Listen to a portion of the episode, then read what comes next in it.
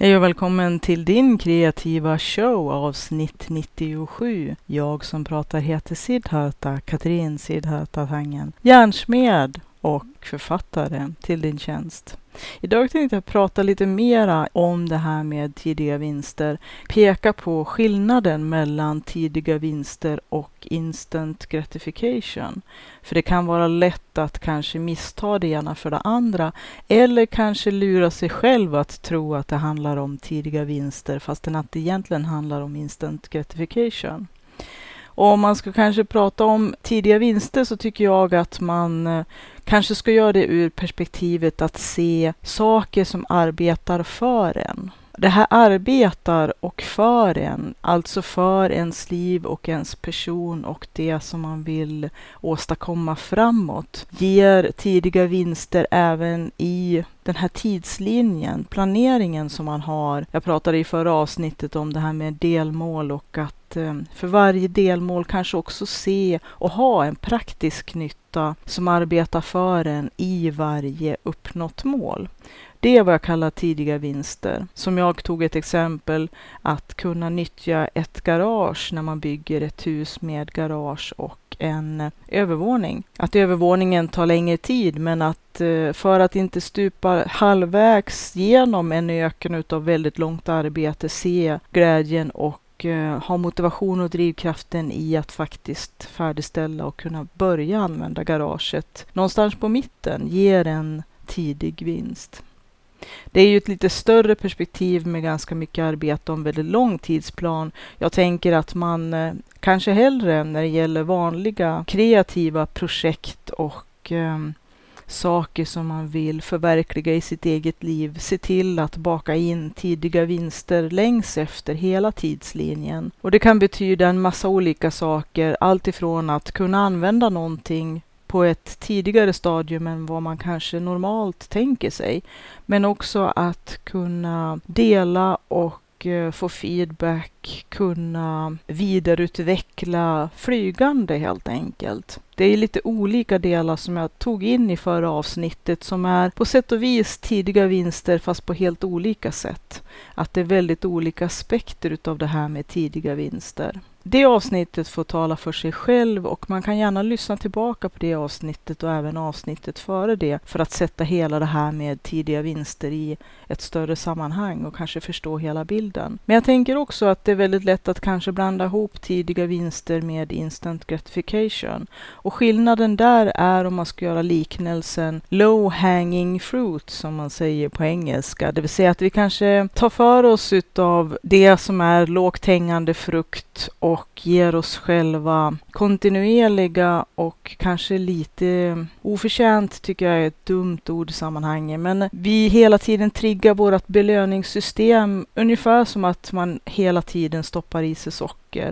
Att vi får den här lilla sockerkicken och så sen blir vi lite trött och så vill vi ha en ny sockerkick och så sen fastnar vi i att bara stoppa i oss socker hela tiden. Att det blir att vi bara triggar och plingar vårt belöningssystem. Men det sker inte något faktiskt framåtarbete eller framåtrörelse eller något arbete överhuvudtaget. Det här arbetar inte för oss utan snarare kanske fördröjer oss och får oss distraherad och kanske desta och eh, ofokuserade och lite grann eh, mera intresserade utav att bara hela tiden trigga och plinga vårt belöningssystem. Och här kan man ju också kanske ana vissa risker att kanske glida över i någon form av beroendeproblematik, i alla fall på sikt, ifall att man hela tiden bara plingar sitt belöningssystem med vad det nu är som är ens eget socker.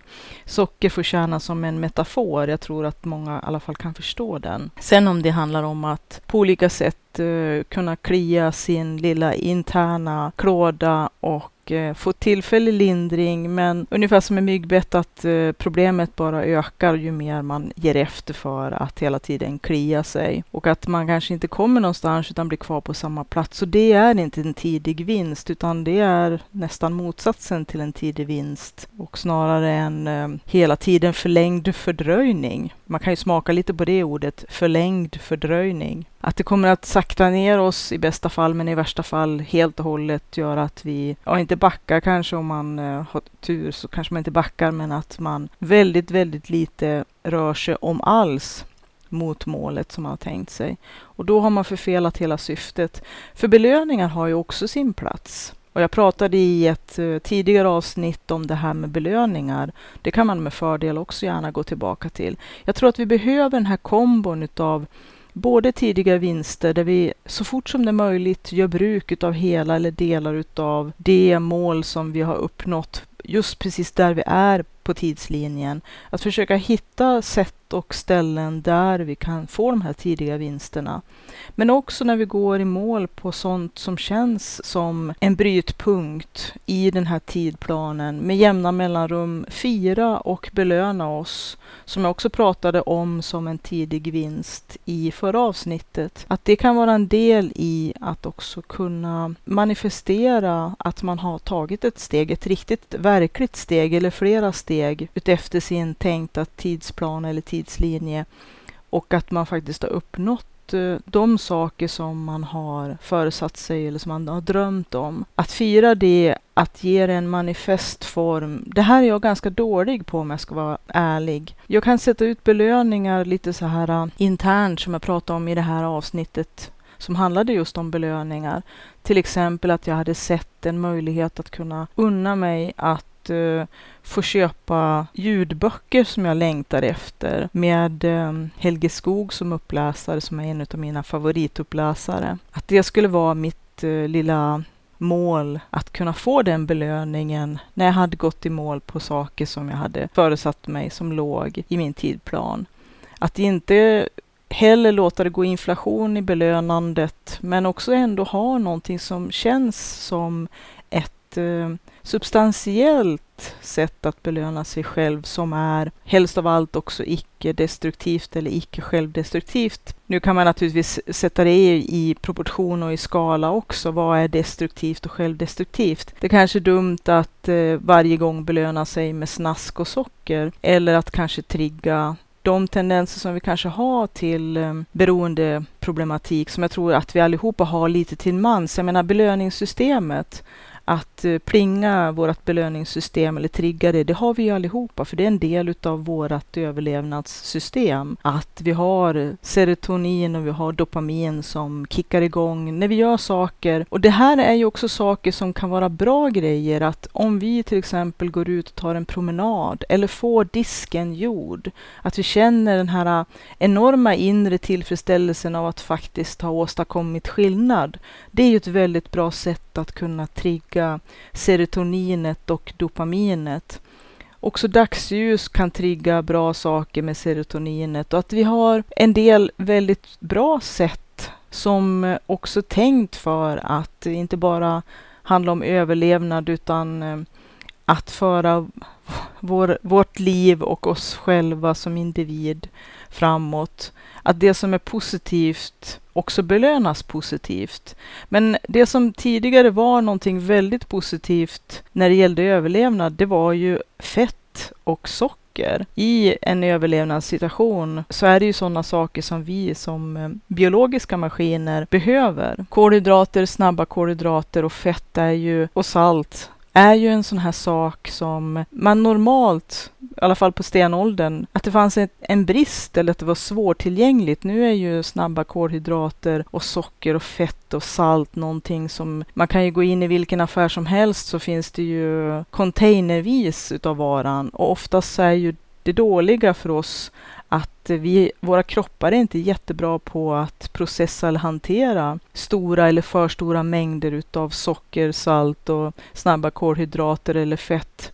Helst inte fel sorters fett och inte fel sorters kolhydrater. Och inte processade saker som vitt socker och Eh, finmalet vitt mjöl för att våra kroppar egentligen inte är byggda för att processa det så himla bra. I alla fall inte i större mängd. I en överlevnadssituation så är ju sådana saker oerhört eh, värdefullt för det är koncentrat utav möjlighet till snabbt och effektivt bränsle. Men vi är ju inte i behovet av så mycket snabbt och effektivt bränsle då vår livsstil inte längre handlar om att transportera oss själva långa sträckor för att hitta mat, för att jaga och fiska och samla och kanske ta oss till olika ställen för att kunna interagera med andra utav samma art, utan nu sitter vi ju mest framför en skärm, för de många i alla fall, att våran livsstil är väldigt stillasittande. Då har ju den här inbyggda belöningstriggen att ha en väldigt stark, ett väldigt starkt naturligt sug efter sånt som kroppen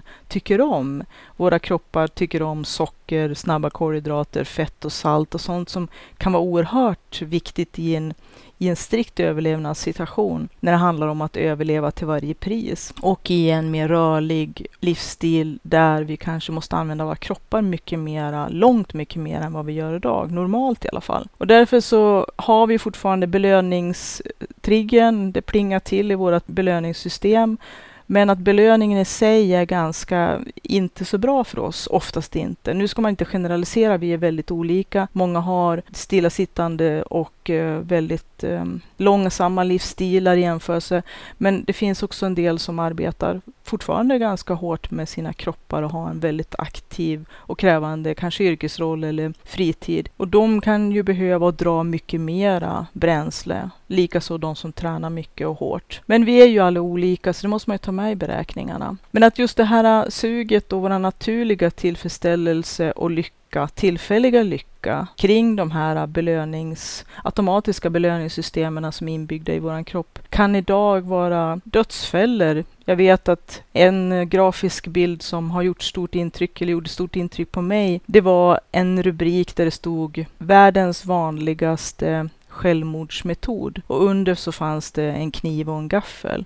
Att vi många lever nu och har väldigt lätt tillgång till, som sagt, snabba kolhydrater, socker och salt, fett, processade livsmedel som gör att eh, vi kan väldigt lätt äta oss till inte bara vällevnad utan även eh, till ohälsa och i värsta fall kanske en ohälsa som kan vara direkt på sikt dödande. Jag pratade om i det här avsnittet om belöningar att det kanske är dumt att belöna sig med saker som kanske inte är jättehälsosamma. Att inte belöna sig med sötsaker, kaffe, cigaretter eller shopping eller någonting annat som kanske kan dels trigga våra latenta eller mer eller mindre aktiva beroende tendenser som, som sagt, vi har väldigt olika uppsättningar och en del är mer dragna och det kan finnas en massa skäl, miljömässiga, genetiska och att våra olika livsvägar och erfarenheter och livsöden gör att vi är olika sårbara för olika saker. Och att vi också i sammanhanget har väldigt olika kroppar också som har olika förmåga att kunna hantera till exempel socker och fett och salt. Även om att i förlängningen de allra flesta mår inte bra utav för stora mängder utav saker som inte våra kroppar riktigt mår bra utav. I alla fall inte med den livsstil som är den moderna, den som vi lever just nu och som har inte riktigt tänkt med i evolutionen när det gäller, eller evolutionen i våra kroppar har inte hängt med i evolutionen utav våra livsstilar och det moderna liv vi lever idag. Att livet på stenåldern och livet i våran eh, idag eh, mer stillasittande tillvaro inte går att jämföra med våra kroppar och eh, våra hjärnor är ju fortfarande fortfarande ganska mycket byggda för villkor som eh, drev evolutionen när det gällde överlevnad och som gällde för 100 000 och 200 000 år. Evolutionen går ju väldigt långsamt jämfört med hur vi har ändrat våran livsstil och hur från industrialiseringen för inte så länge sedan, eller lite drygt 100 år tillbaka till nu. Våra kroppar hänger inte riktigt med, eller om det är vi som är dåliga på att ta hand om oss, att vi kanske inte riktigt har anpassat eller blivit mogna för den livsstil vi har, utan vi låter kanske en hel del utav våra andra drivkrafter styra oss på ett sätt som vi kanske måste bli medvetna om. Men nu vart det en lång utvikning här kring eh, belöningar och belöningssystem som kanske kan vara utav det mer negativa slaget. Det jag egentligen ville ha sagt var att eh, det finns bra och det finns dåliga sätt att belöna sig själv och att vara varse att det är väldigt lätt att det kan gå inflation i belöningar och som jag pratade i ett väldigt mycket tidigare inslag utav den här podcasten att eh, vi egentligen inte blir sådär supermotiverade, inte på lång sikt och inte på djupet utav externa drivkrafter som till exempel ökad lön eller belöningar i sig. Att det är inte det allra starkaste sättet att öka sin egen inre motivation. För att som man, ja, man hör på ordet också, inre motivation, att den måste komma från insidan, att drivkraften måste vara någon annan än att vi enbart blir lockade utav att vi har en morot framför ögonen eller en piska. Att det måste finnas mera i våran drivkraft än så för att det ska vara en, eh, om man ska se det som hållbar eller långsiktig eh, motivation. Kortsiktigt så kan man absolut motivera sig med belöningar och se till att man har en lämplig morot som dinglar framför ögonen. Och ibland måste man faktiskt ta till en hel del billiga trick och knep för att komma igenom lite torrare perioder eller där det är lite tyngre och när man känner att man behöver uppmuntran och att det inte alltid är så lätt att få kanske bekräftelse och support och uppmuntran utav omgivningen eller utav dem det berör, beroende på om det handlar om ens eh, familj eller nära och kära eller på en arbetsplats eller i en organisation. Att de flesta har väldigt fullt upp med sin egen kamp så att säga. Att vi alla strävar och försöker hitta den här äh, drivkraften att orka igenom en dag till ibland, om man ska spetsa till det. Och därför så kanske vi inte alltid kan bli bekräftade och lyfta och supportade och känna den här äh, backupen som vi skulle vilja och önska ibland. Och motsvarande också att vi kanske inte riktigt räcker till till dem i vår direkta omgivning. För som jag väldigt ofta vill påpeka, det handlar ju om ömsesidighet och någonting som måste gå i båda riktningarna, inte bara att man hela tiden ser brister i andra människors sätt att förse en själv med det man behöver för ens behov, utan också hur väl man kan sörja för andras behov. Att det handlar om give and take, att ge och få. Och att eh, det inte alltid är optimalt och att vi ibland måste försöka reda oss själva och staga upp oss själva och försöka hitta olika strategier. Och ibland, som med belöningar, se det som en taktik. Skillnaden mellan taktik och strategi är ju att taktik, det är ju ett knep som vi tar till för att kortsiktigt nå en vinst eller för att komma framåt i någonting. Mot skillnaden för en strategi där det handlar om att på lång sikt ha ett tänk eller ett system som man implementerar eller inför, om man nu ska prata mer vanligt språk. Alltså att man hittar metoder som gör att man kan åstadkomma resultat också på lång sikt. Att taktiker är kortsiktiga tricks och eh, strategier är mer långsiktiga, långtgående och även på längre sikt hållbarare. Även om att även strategier kan behövas förnyas och förändras eller vinklas om. Men taktiker, de brukar oftast ha ett eh, kortare bäst före-datum. Och när det gäller belöningar, om man inte hela tiden... Det kan ju också vara risk som sagt att man hamnar i en eh, statisk eh, självbekräftelse, belöningscirkel eh, som inte leder så mycket framåt utan att man hela tiden bara försöker hitta sätt att eh, få trigga sitt belöningssystem, alltså instant gratification, att hela tiden stoppa i sig sockret. Men eh, att arbetet uteblir eller att det som var tanken med att få den här belöningen inte matchar. Eller att vi helt enkelt har sett att det har blivit inflation i alltihopa. Det, är ju, det här är ju jättesvårt och det ju, kräver ju att man har en hel del självdistans och självinsikt och kanske ibland också sjukdomsinsikt. Eller, det kan vara lätt att Eh, fastna också i en del um, mönster. Att vi får vanor. Och vanor är ju så himla svåra att etablera om man jämför med ovanor som vi väldigt lätt lägger till oss. Det, eh, vi får kämpa för att få goda vanor som håller i sig och hållbara. Och där kan man prata om vanor som strategier. Men ovanorna, de är ju så himla lätta att trilla ner i och de hittar ju in och tar ju plats alldeles på egen hand. Där måste vi vara mer aktiva och det kräver mer arbete av oss på något sätt. Att hålla dem borta medan eh, vanor har, kräver en hel del mer arbete att uh, arbeta in. Så att de är varandras uh, motpoler kan man väl säga. Belöningar i sig är inte någonting negativt. Väl använda kan de verkligen ha sin plats och kan också ge en möjlighet att manifestera att fira de framsteg man har gjort och gör. Jag tycker också att det är viktigt, som jag pratat i vissa av poddavsnitten om, att också se och dokumentera och eh, inte bara hela tiden glömma allt som man har gjort. Att vi har väldigt lätt att se allt som vi gjorde som eh, inte så himla viktigt så fort det är avklarat, utan vi ser bara listan utav allt ogjort. Att vi behöver klappa oss själva på axeln och vara uppmuntrande mot oss själva och faktiskt se allt det vi gör. Och därför så skriver jag upp och och um, reggar just nu och har gjort under lång tid min tid och vad jag gör med min tid. Jag pratar ju om det här med tidsdagboken för att uh, få mera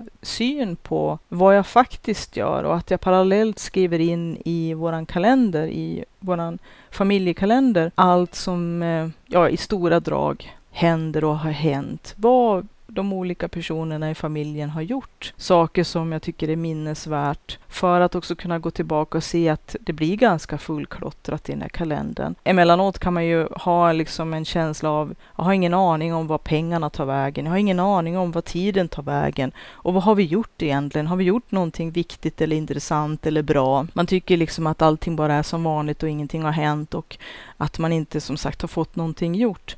Men eh, tittar man då i kalendern eller det tidsredovisningssystem, det låter väldigt, väldigt formellt, men den här tidskassaboken som man kanske för i perioder eller när man vill få syn på hur man egentligen fördelar och använder sin allra mest dyrbara tillgång, nämligen ens livskapital, den tid.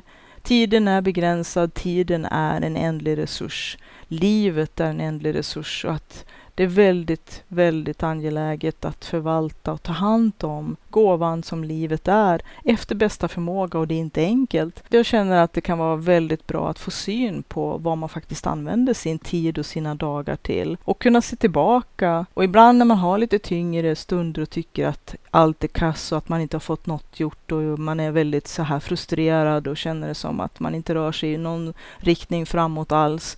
Kunna titta tillbaka på att det här har vi faktiskt gjort och det här har vi faktiskt gjort och det här och det här och det här. Att det blir ganska mycket när man tittar tillbaka. Men att vi har en väldigt märklig förmåga att glömma nästan omedelbart som vi har fått stryka en punkt ifrån listan. Men det här med att stryka en punkt från listan är ju i sig en belöning. Det här med att känna sig väldigt nöjd och eh, stolt och känna att vad skönt, vilken lättnad jag fick det här gjort. Och att det kan också vara en del i ens belöningssystem. Att dels vara noga med att kunna se vad man faktiskt gör, men också när man har gjort någonting i stunden kunna sträcka på sig och känna att det här fick jag faktiskt gjort idag. Och det här känns väldigt bra. Det är också ett sätt att kunna trigga sitt serotonin och dopamin, det här belöningssystemet. Speciellt dopaminsystemet, när vi känner oss nöjd med oss själva, är, tror jag, väldigt angeläget för att få och uppnå och kanske kunna få kontakt med mera utav mental och psykologisk tillfredsställelse som ger mera välmående och kanske också bättre balans i oss själva, i vårt sätt att förhålla oss till oss själva, som jag tror vi behöver. Att vi är väldigt eh, duktiga på att racka ner på oss själva och behandla oss själva mycket sämre än vi skulle behandla vem som helst ute på stan. Och att vi är väldigt oförlåtande och kritiska och självkritiska. Vi behöver nästan inte ha någon annan som kritiserar oss, för vi är ju världsbäst på att sabla ner och kapa oss själva med fotknölarna. Och därför behöver vi få syn på saker som vi faktiskt är nöjd och stolt och glad över. Och att även små saker är viktiga steg. Varje steg är viktigt. Att eh, se varje steg och att eh, uppskatta det som varje dag för med sig. Även de dagar som kanske inte är så extremt kreativa eller konstruktiva eller där vi inte känner att vi får sådär jättemycket gjort. Men att en liten grej kan vara skillnaden mellan att känna sig missnöjd eller känna sig nöjd, tillfredsställd. Ett sätt för mig, ett knep, det är att i början på dagen bestämma.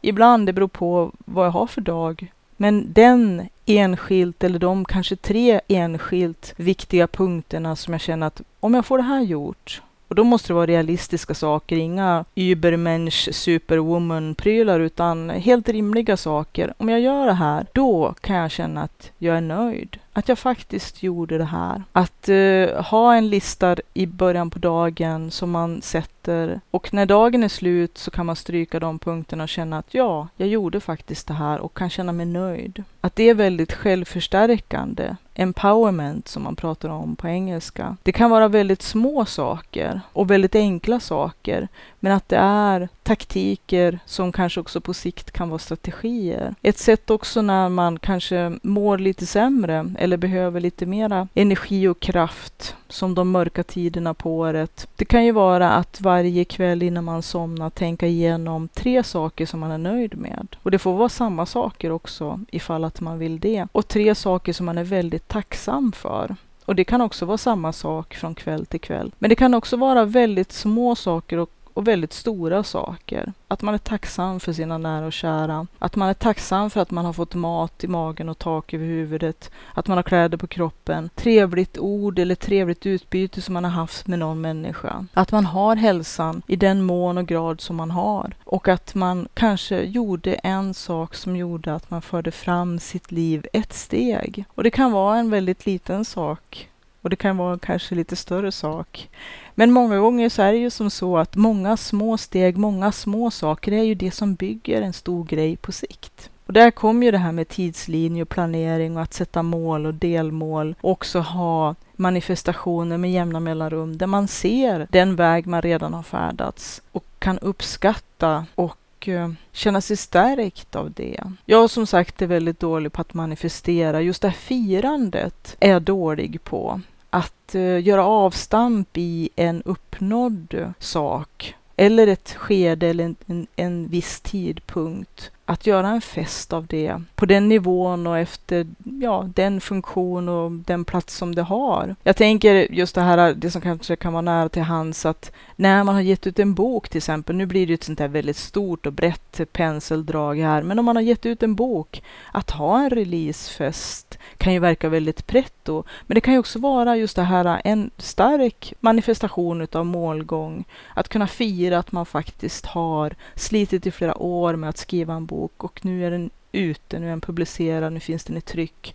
Och firar det med, ja, i den kretsen eller i den omfattningen med de människorna eller bara själv. På nätet eller i fysiskt rum eller både och i olika forum på olika sätt. Och med längre eller kortare mm, utsträckning i tid. Det kan ju vara allt ifrån att ge sig ut på bokturné till att ha en signering på det lokala biblioteket eller en uppläsning på det lokala biblioteket eller vad som helst. Det kan vara små saker, det kan vara stora saker, det kan vara tidsödande saker. Men att det på något vis också kanske bygger in ett mål i sig, att det i sig är kanske en tidig vinst. I alla fall om man tänker ett boksläpp och en bokrelease, en uppläsning på biblioteket, att man kanske har signering på bokhandeln och sådär. En bokturné eller en bloggturné eller att man kanske har en serie i, i ljudform eller videoform eller eh, i bloggform eller i, på något annat sätt. Och att man kanske samlar människor i något forum, i någon grupp fysiskt eller på nätet,